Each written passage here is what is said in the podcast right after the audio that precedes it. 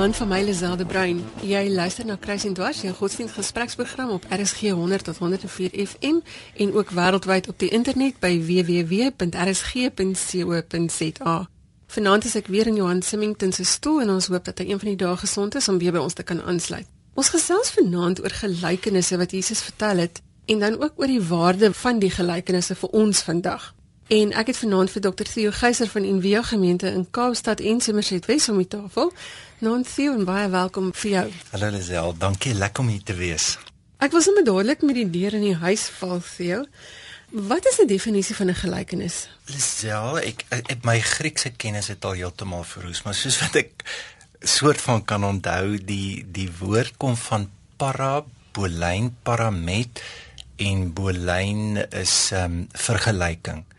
So dis maar basies wanneer ons iets vergelyk met iets. Jy weet dis amper om 'n tussenganger te hê as 'n ou praat oor iets sodat jy dit beter kan verstaan of 'n greep kan kry oor waarna toe hierdie simbool verwys. En hoekom dink jy het Jesus hierdie gelykenisse vertel? Wanneer het hy begin om hierdie gelykenisse te vertel? Dis 'n interessante vraag want baie mense reken dat hy begin met gelykenis toe daar verskriklike vervolging, jy weet, was en toe hy die druk gevoel het van wat die godsdienstelsel en wat dalk die Romeinse bestel aan hom begin te doen. Dit so ek weet nie, jy weet dit ehm um, dalk was dit uit 'n baie goeie idee gehad wat met sy opvolger Johannes die Doper gebeur het en dalk was dit 'n manier dalk om dit meer toeganklik te maak dat hy nie so direk gepraat het nie. Maar dan, jy weet, ek bedoel Jesus sê ook self hoekom hy in gelykenisse praat en dit op sigself is 'n gelykenis. Want hy sê om hierdie rede praat ek met gelykenisse en in gelykenisse sodat julle wat kan hoor nie kan verstaan nie. dit voel vir my as ons weer terug by die evangelie. om om dit te kan verstaan is nogal 'n moeilike ding. Ja, ek weet nie daar kan baie redes voor wees, maar ek dink een van die groot goed Lisel is dat as 'n mens oor God praat, dan dink ek enige iets wat ons sê maak God baie minder as wat hy is. Jy weet want kyk teologie beteken ons nou ons praat oor God, Maar um, ek weet iemand se definisie was gewees om die minste verkeerd oor God te praat. Nou, dis vir my wonderlik want as dit jou uitgangspunt is, gaan jy baie versigtiger oor God praat. En dit is hoe Jode gepraat het oor God. Kyk die die die woord gelykenis in Hebreëus is eintlik 'n baie baie bekende woord shamal. En dit was soort van 'n um, 'n versamelwoord wat Eh, wat raaisels, wat gelykenisse, wat allegorie, wat vir al die wysheidsliteratuur wanneer hulle gepraat het baie mooi beskryf het en as 'n as 'n Jood dit aankondig dat hierdie is 'n shamal dan almal geweet dat wel nou begin hy te vergelyk en ons gaan oor na simbolie. So die feit dat Jesus dit doen is glad nie onbekend. Jy weet dat so hier kom Jesus en hy breek die tradisionele patrone van kommunikasie. Nee, hy doen dit presies soos wat Jode dit in daai tyd gedoen het. Ja, want as 'n diep geloof dat God ook ontoeganklik is. En dis vir my mooi, weet ek bedoel Paulus sê dit self as hy God probeer beskryf, dan sê hy die ondeurgrondelike, die onbeskryflike en dan die ontoeganklike. So die vraag wat ons dan moet vra, jy weet, hoekom gaan ons as hy dan ontoeganklik is? Jy weet, hoekom praat ons vanaand as ons nie kan praat nie? Maar dit is presies die spanning waarin ek dink ons moet kom en wat gelykenisse ons mee help. Want jy sien nou dat as ons oor God praat, maak ons hom eintlik klein want ons verstaan nie hoe groot hy is nie. Wel eintlik wat ons sê van God is eintlik maar 'n afgod, want dis meer ons praat oor hom, maar dis nie God nie, weet en ek dink in teologie is dit miskien maar een van die groot groot foute waar ons moet bely en om verskoning vra is dat ons ons het ons praat oor God verwar met God. Jy weet en wat so beautiful is van 'n gelykenis is, jy weet jy jy kan dit nie claim, jy weet dit dis nou wat dit is nie want dis net te groot, dis tydloos. En dis hoekom daai stories vandag nog so wonderlik is, jy weet en jy kan dit oor en oor vertel. Dit dit raak nie boring nie.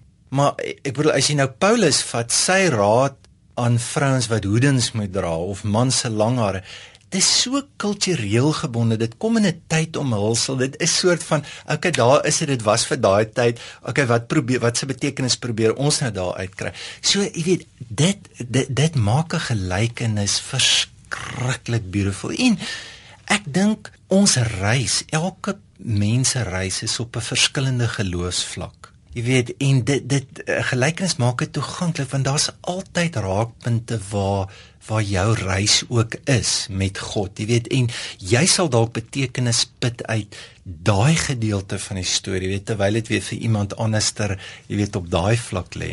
Iemand het gisterand vir my gevra wat is die verskil tussen 'n akroniem en 'n afkorting en dit was vir my baie moeilik om dit te verduidelik. Ja, verduidelik so, vir my asseblief.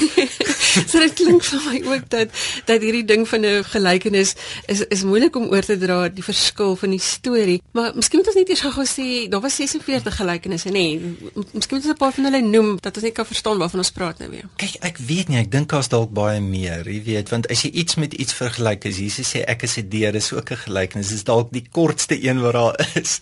En dan in 'n gelykenis is daar Jy weet Jesus gebruik byvoorbeeld allegorie in 'n gelykenis soos as hy nou die gelykenis van die saaier probeer verduidelik en dan dan lê hy dit uit. Jy weet die grond is jou hart en dis allegorie.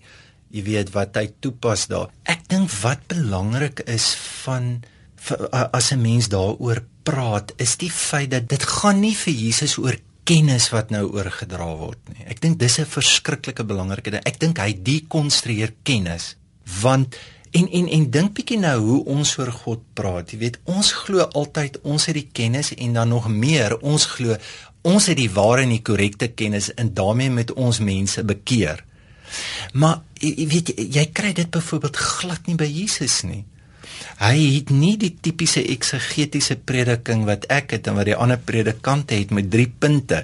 Jy weet en vyf ander teksies wat jou teks bewys, jy weet dit bestaan nie, jy weet daar is hy's nie 'n antwoordmasjien wat gou die vrae uitspoeg. Hy hy neem jou elke keer terug na die metafoor toe Ek wil graag hê ons moet dit weer sê, want ons bied 'n godsdienstprogram aan op RSG en partykeer sê ons goed waarmee ander mense nie saamstem nie of ons ons het ander menings om die tafel wat nou verskil van die mense mening en dan val hulle jou nogal persoonlik aan en sê, "Maar jy kan nie 'n gelowige wees as jy so sê nie." Maar dit is eintlik wat dit beteken, nê. Ons maak dit alles klein. Ons verstaan nie eintlik regtig waaroor dit gaan nie, want my standpunt is die standpunt en dit mm. is klaar. Mm. En dis wat jy sê, dis nie eintlik wat dit is nie. En dis wat dis wat 'n gelykenis vir jou verduidelik. Verseker, kyk, daar's 33 3800 ek dink 64 verskillende Christelike denominasies en almal claim die waarheid.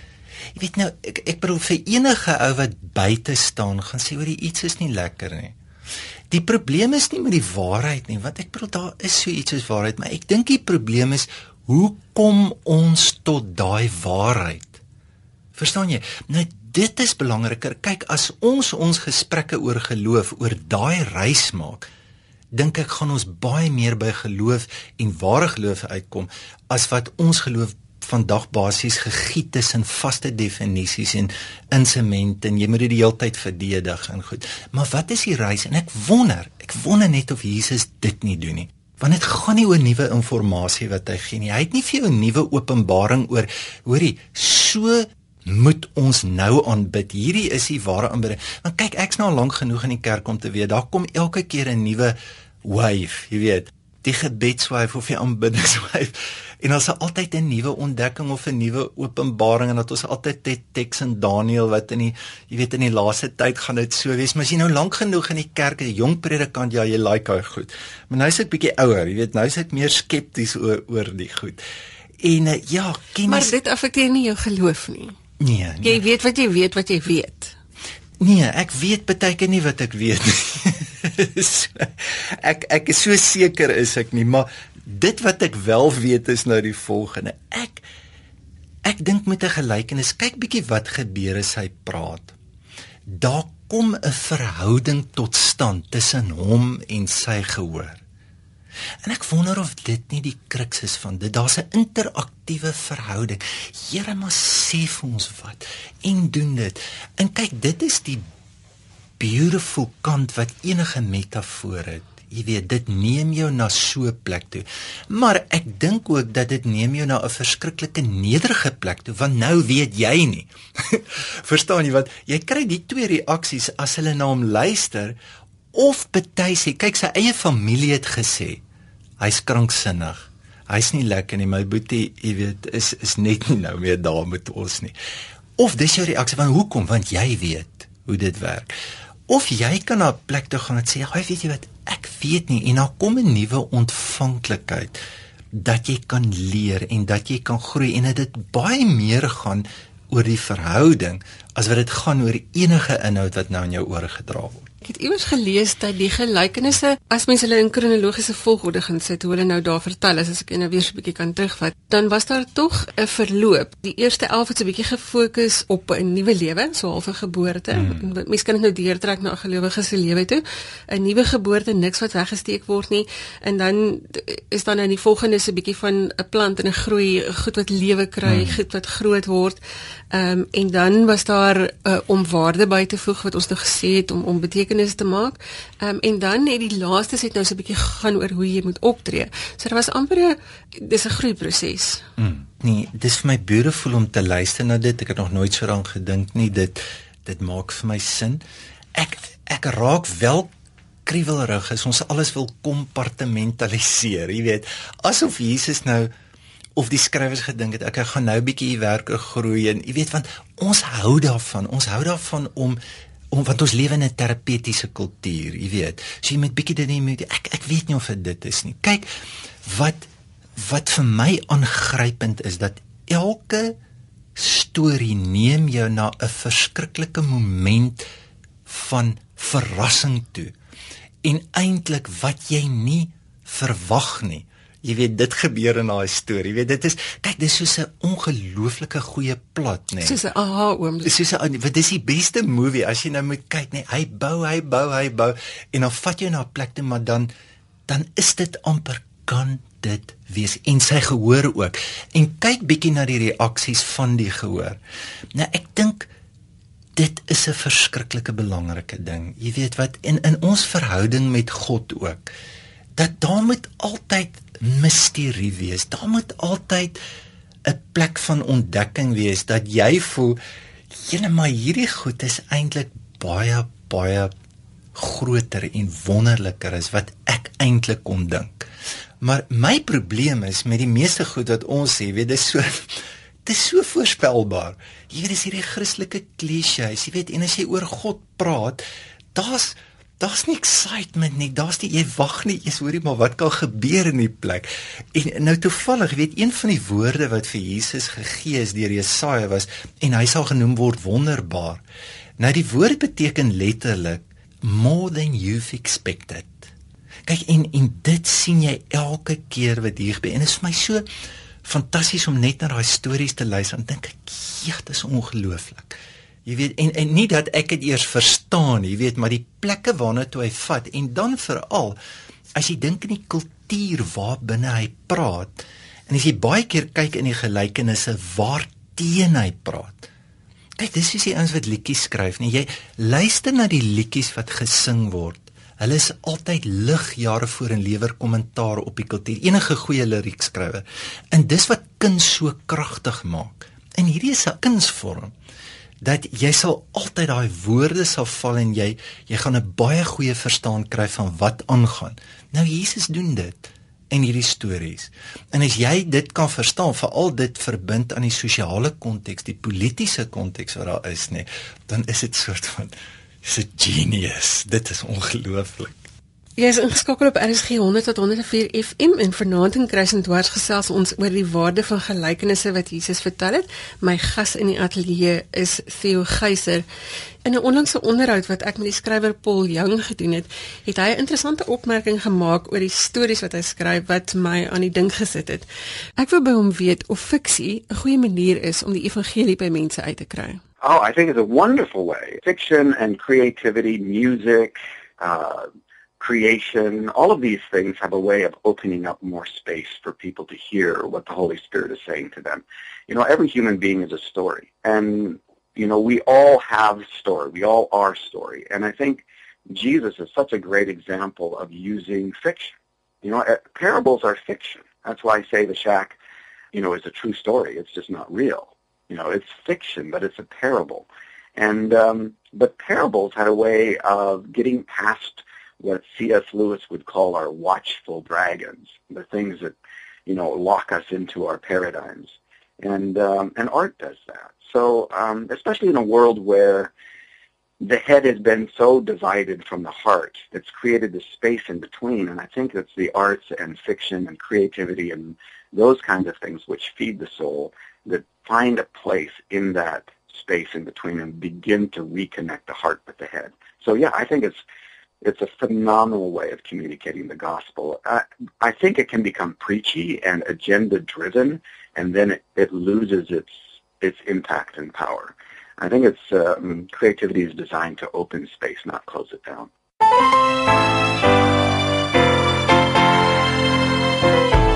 Theo, die een sin wat vir my die sterkste uitgestaan het, is dat dit 'n ware verhaal is, maar dit het nie regtig gebeur nie. Dis die enigste manier hoe ek dit nou eintlik in Afrikaans kan verduidelik. Hy het gesê, "It's a true story.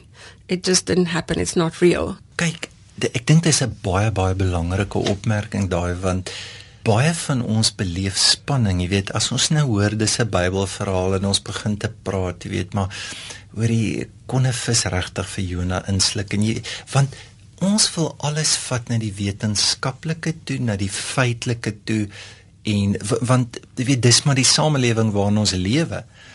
Maar Jode het nie so met waarheid gewerk nie. Dit is is 'n bekende feit dat hulle feite en fiksie gemeng het sonder enige spanning. Maar ek bedoel ons ons beleef enorme spanning met dit. En ek dink die punt wat hy wil maak is dat as ons nou met beklei oor Adam en Eva, jy weet, en was dit 'n werklike storie, het sy 'n werklike appel geëet? Dan mis ons die punt. Want die die vraag is nie was daar werklike appel of was daar 'n werklike paradys nie. Die vraag is of daai storie van ongehoorsaamheid ook in jou lewe teenwoordig is en in jou lewe werk. Nou dan word daai fiksie die waarheid. Met ander woorde, jy kry waarheid eerder in die betekenis van wat dit is. Nou ja, ek is ek weet ek is baie bekommerd, jy weet as ek kyk hoe ons mense met 'n lepel probeer voer. Jy weet so asof hulle nie self kan dink nie. En omdat ons hierdie verskriklike gesagsfigure ook het, jy weet, van celebrities en ons lewe nou in so 'n era ook met die televisie wat ons het. As jy in 'n boekhandel instap, watter boeke verkoop? Dis die celebrities se boeke wat verkoop, die predikers se boeke wat verkoop. ons gee nie regtig om wat hulle sê nie. Ons weet net hulle is op die kassie en dit maak van hulle goed. Maar dit doen ons 'n onreg want ons leer en help mense nie om te dink nie. En ons help nie mense om kennis of dit wat hulle ervaar te integreer nie. Nou kyk dit is Jesus, jy weet of God vir jou glad nie met 'n lepel nie. En dan elke keer na elke gelykenis dan word dit hardcore dan sê Jesus, "Oké, okay, wie oor het, laat hom nou hoor." Jy weet, soort van, "Oké, okay, gaan gaan jy gaan jy iets doen met dit wat jy nou gehoor het. Jy weet, gaan jy jou ore gebruik? En ek dink die van die oproep is wil jy nie self dit internaliseer nie. Wil jy nie self op 'n reis gaan met God nie.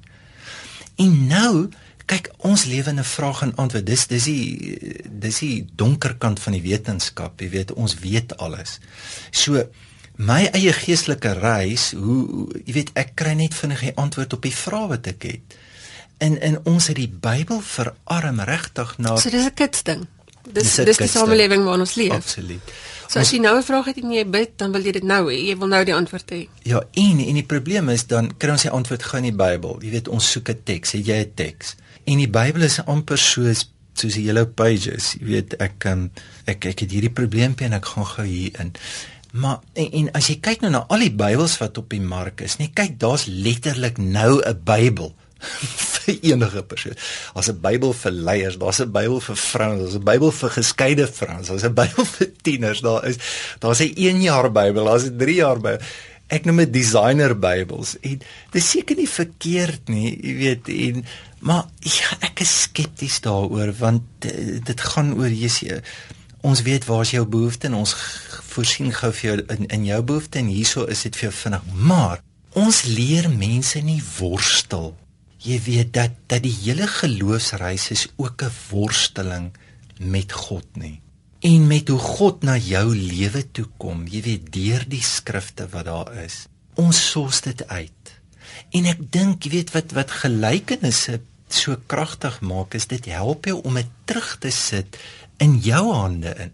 Jy moet die besluite neem en jy moet die verantwoordelikheid neem in jou lewe. En dan jy moet daai goed, ek bedoel as God se gees in ons woon, jy weet en dat hy beloof hy sal ons lei in die waarheid, hy sal ons inspireer om daai afhanklikheid en daai openheid vir die gees te ontwikkel in jou lewe. Want Lisel, as mens nou mooi daaraan dink, jy weet vir hoeveel jare het mense absoluut gesteun op daai werking van die Gees sonder die Bybel. Vir 1500 jaar was daar nie 'n Bybel nie. Ek bedoel en selfs die gedeeltes wat ons nou praat oor die gelykenisse in die Nuwe Testament was dit nie daar gewees. Dit was nog nie op skrif gewees nie. Jy weet dit ehm um, jy weet so selfs die opdragte in die Nuwe Testament is geskryf vir daai tyd. Jy weet, hoe het mense omgegaan en die groter vraag, wat het hulle gelees in daai tyd? Maar daar was 'n ander manier van lees wat beautiful is. Wat wat hulle jou gehelp het dat dat jy eintlik na 'n plek toe moet gaan waar jy gelees word. Vir sy, nee, dis dieselfde met 'n gelykenis. Dit dit begin eers huis toe te kom as jy sien, jy's maar hoorie, ek sien een van hierdie karakters en dit is nie vir my lekker nie. Of weet jy hierdie storie sny nou in die teks van my lewe. Maar dis baie lekker en is baie veiliger as die teks nie na die teks van ons lewe toe kom.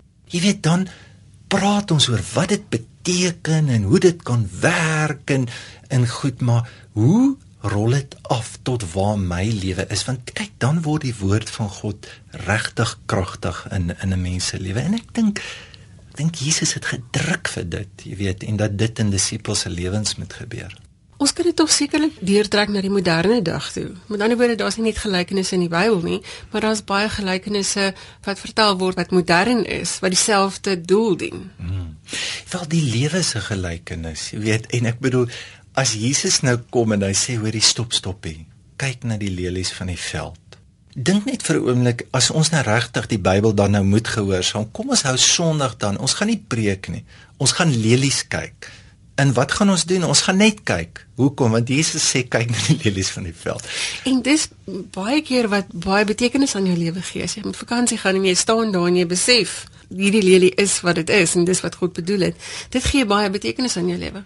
Absoluut. En eh, die maar die feit van die saak is die lelie kan praat, nê? Nee? Of jy weet jy sien nou net die psalmdigter luister, jy weet die uitspansel verkondig die werk van sy hande. Dis nie net predikers wat wat verkondig en preek nie wat die totale eienaarskap van God se stem opgeëis het. Dis die hele skepping. En dat ja ek bedoel die lewe se gelykenis en dat dat dat alles wat gebeur rondom my het soveel betekenis in. En en ek dink dis hoekom jy weet Jesus se gelykenis as jy dit lees en jy verstaan iets van die sosiale analises wat jy weet en goed wat gebeur het dan kom jy agter hierdie is nie net mooi stories nie, verstaan jy? En soos wat jy nou sê, dis in jou lewe. Dis nie net mooi stories hierdie nie. Dit het alles te doen met wat in die politiek gebeur, wat in jou persoonlike lewe gebeur en alles wat om jou is. Dis waar Jesus jou help om God te sien. So dis eintlik daar sodat jy daarmee in gesprek kan tree vir jouself. Ja. Uh Paul Young het ook verwys na kuns, musiek. So dit gaan nie hier net oor woorde nie.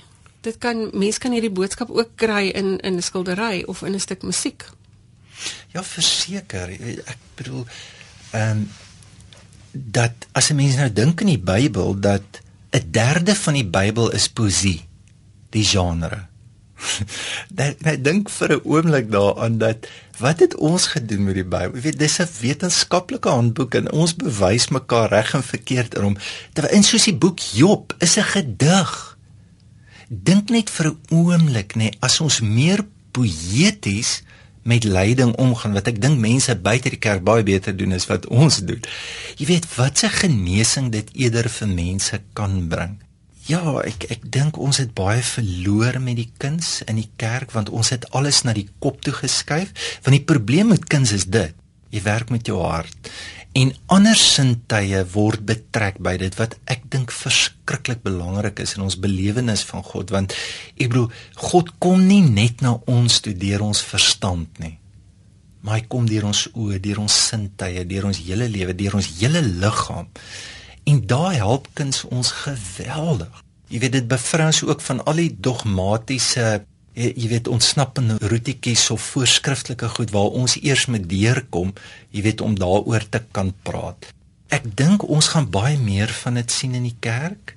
Jy weet en ek dink dat in die toekoms die klem gaan grootliks verskuif van die kognitiewe rasionele maar ook meer na die emosionele en ek dink dis hoekom charismatiese kerke ook jy weet um, so gegroei die afgelope tyd en goed want hulle hulle sien daai behoefte wat mense ook het en probeer op 'n manier jy weet daarin voorsien.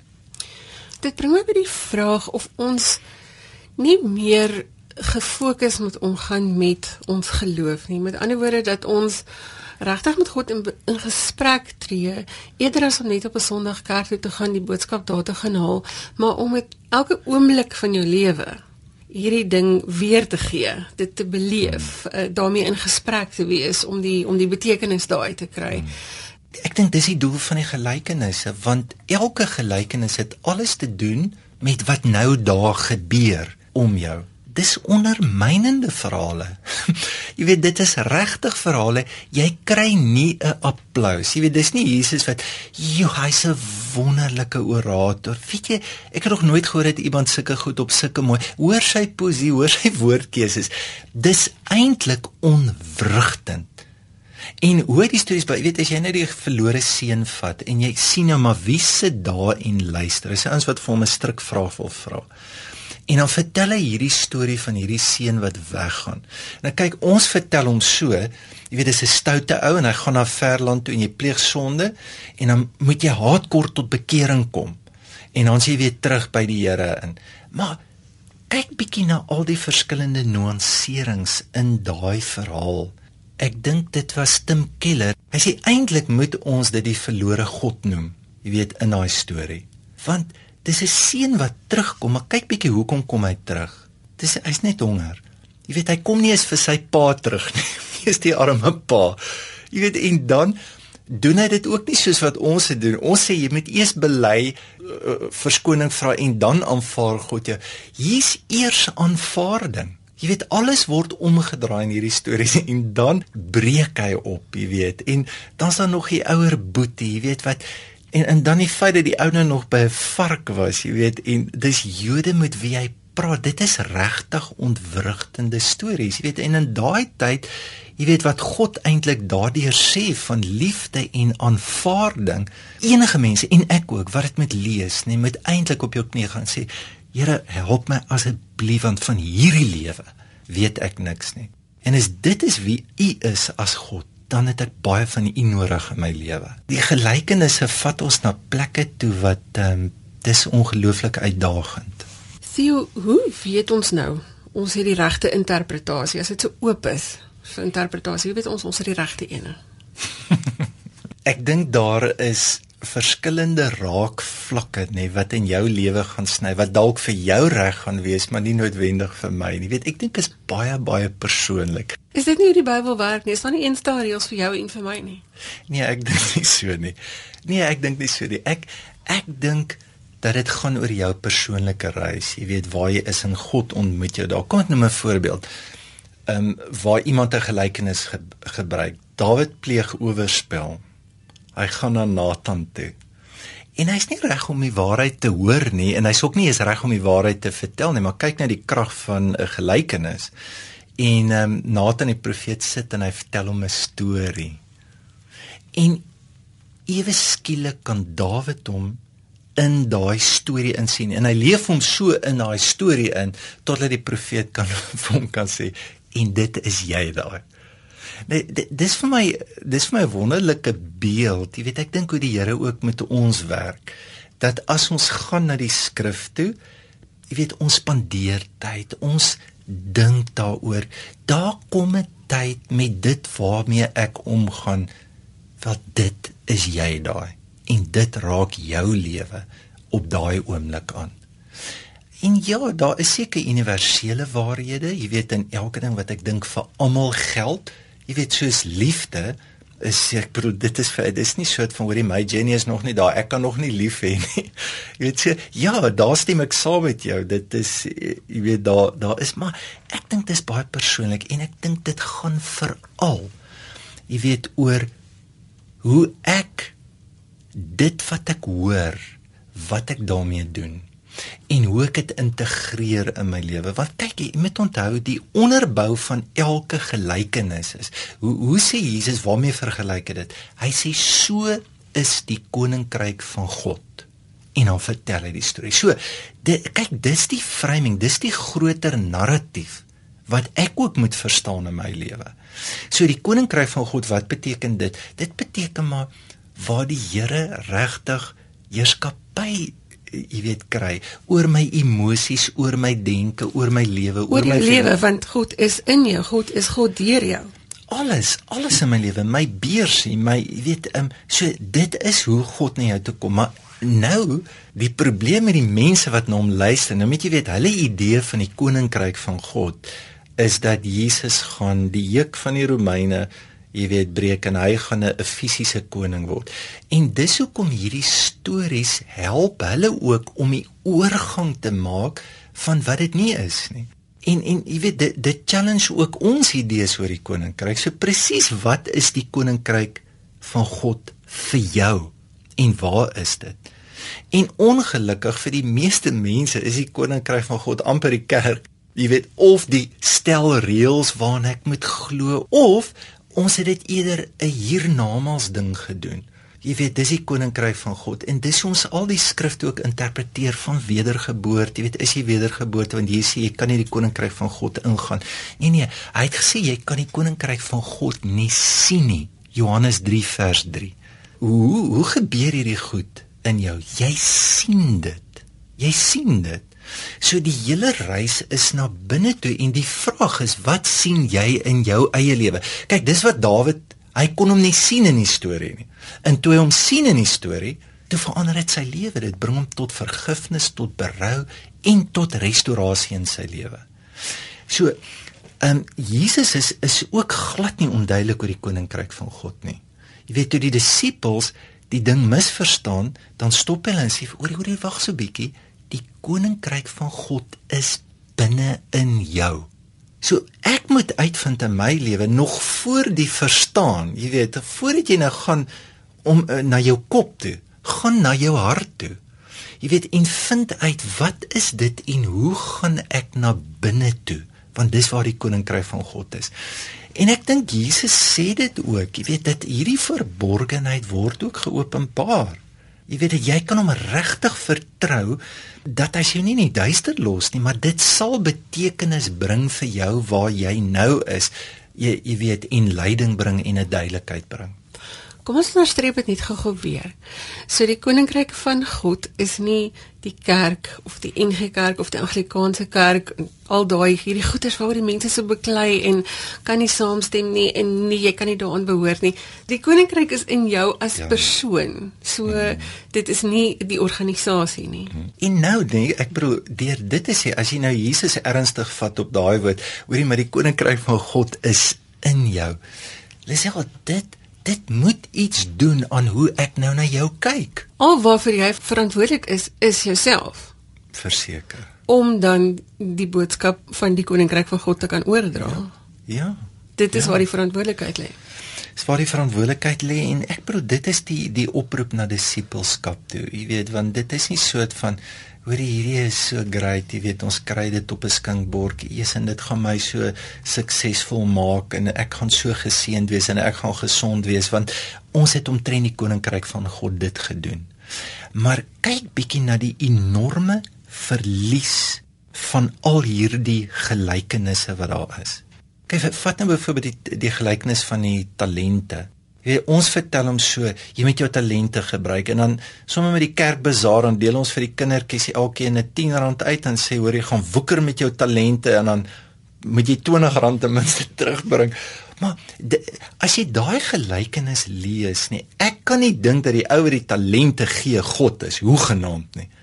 Want watter persoon gaan iemand vir ewig in die vuur werp wat nie sy talente gebruik het nie? So sal God dit doen. Dit is onmoontlik. En dit lyk vir my hy was 'n baie verantwoordelike persoon want hy het dit nie gaan verkoos nie. Jy weet hy het dit nog opgepas ook, weet. En dan is dit ook vir my interessant in in die gelykenis dan as hy nou verslag doen nie, oh, hy's eintlik oneerlik. Jy weet wat sê jy so die ek het die ouens bietjie gerook en goed so. Hierdie hierdie baas stel nie belang in hoe jy die geld maak nie. Hy stel net belang dat jy die geld maak. Dis tipies van die bestel waarin hierdie arme Jode verkeer en verdruk word. Dis nie 'n storie oor God en jy ons kan so great wees, jy weet, jy met jou talente vermeet.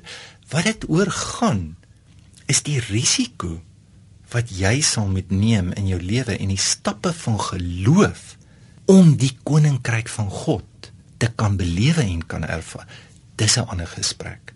Verstaan jy so? Dit dis hoekom ek sê dis nie hierdie feel good goedjies nie. Weet ek het 5 hoor die great ek gaan nou 10 en Jesus gaan nou goed gaan met my.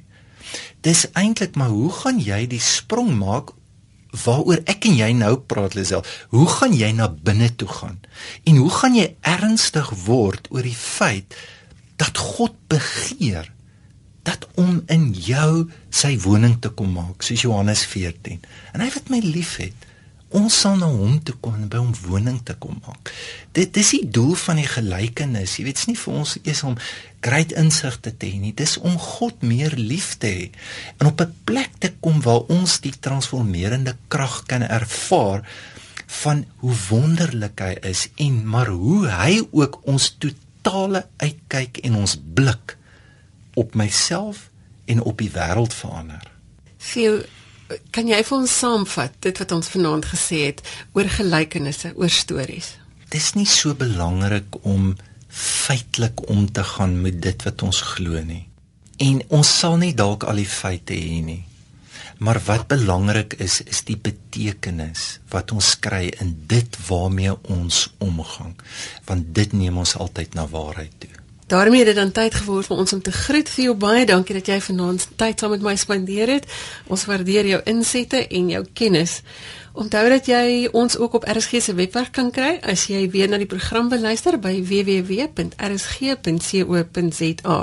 En jy kan ook vir ons 'n e-pos stuur by navraag@kruisendwars alles een woord .co.za. En jy kan ook inligting rondom die program gaan kry op Kruisendwars se Facebookblad.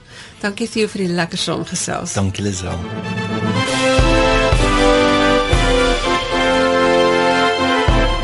Uit Kaapstad groet ek namens produksieregisseur Neil Roo. Tot volgende week. Totsiens. Kruisendwars is versorg deur Wordwise Media.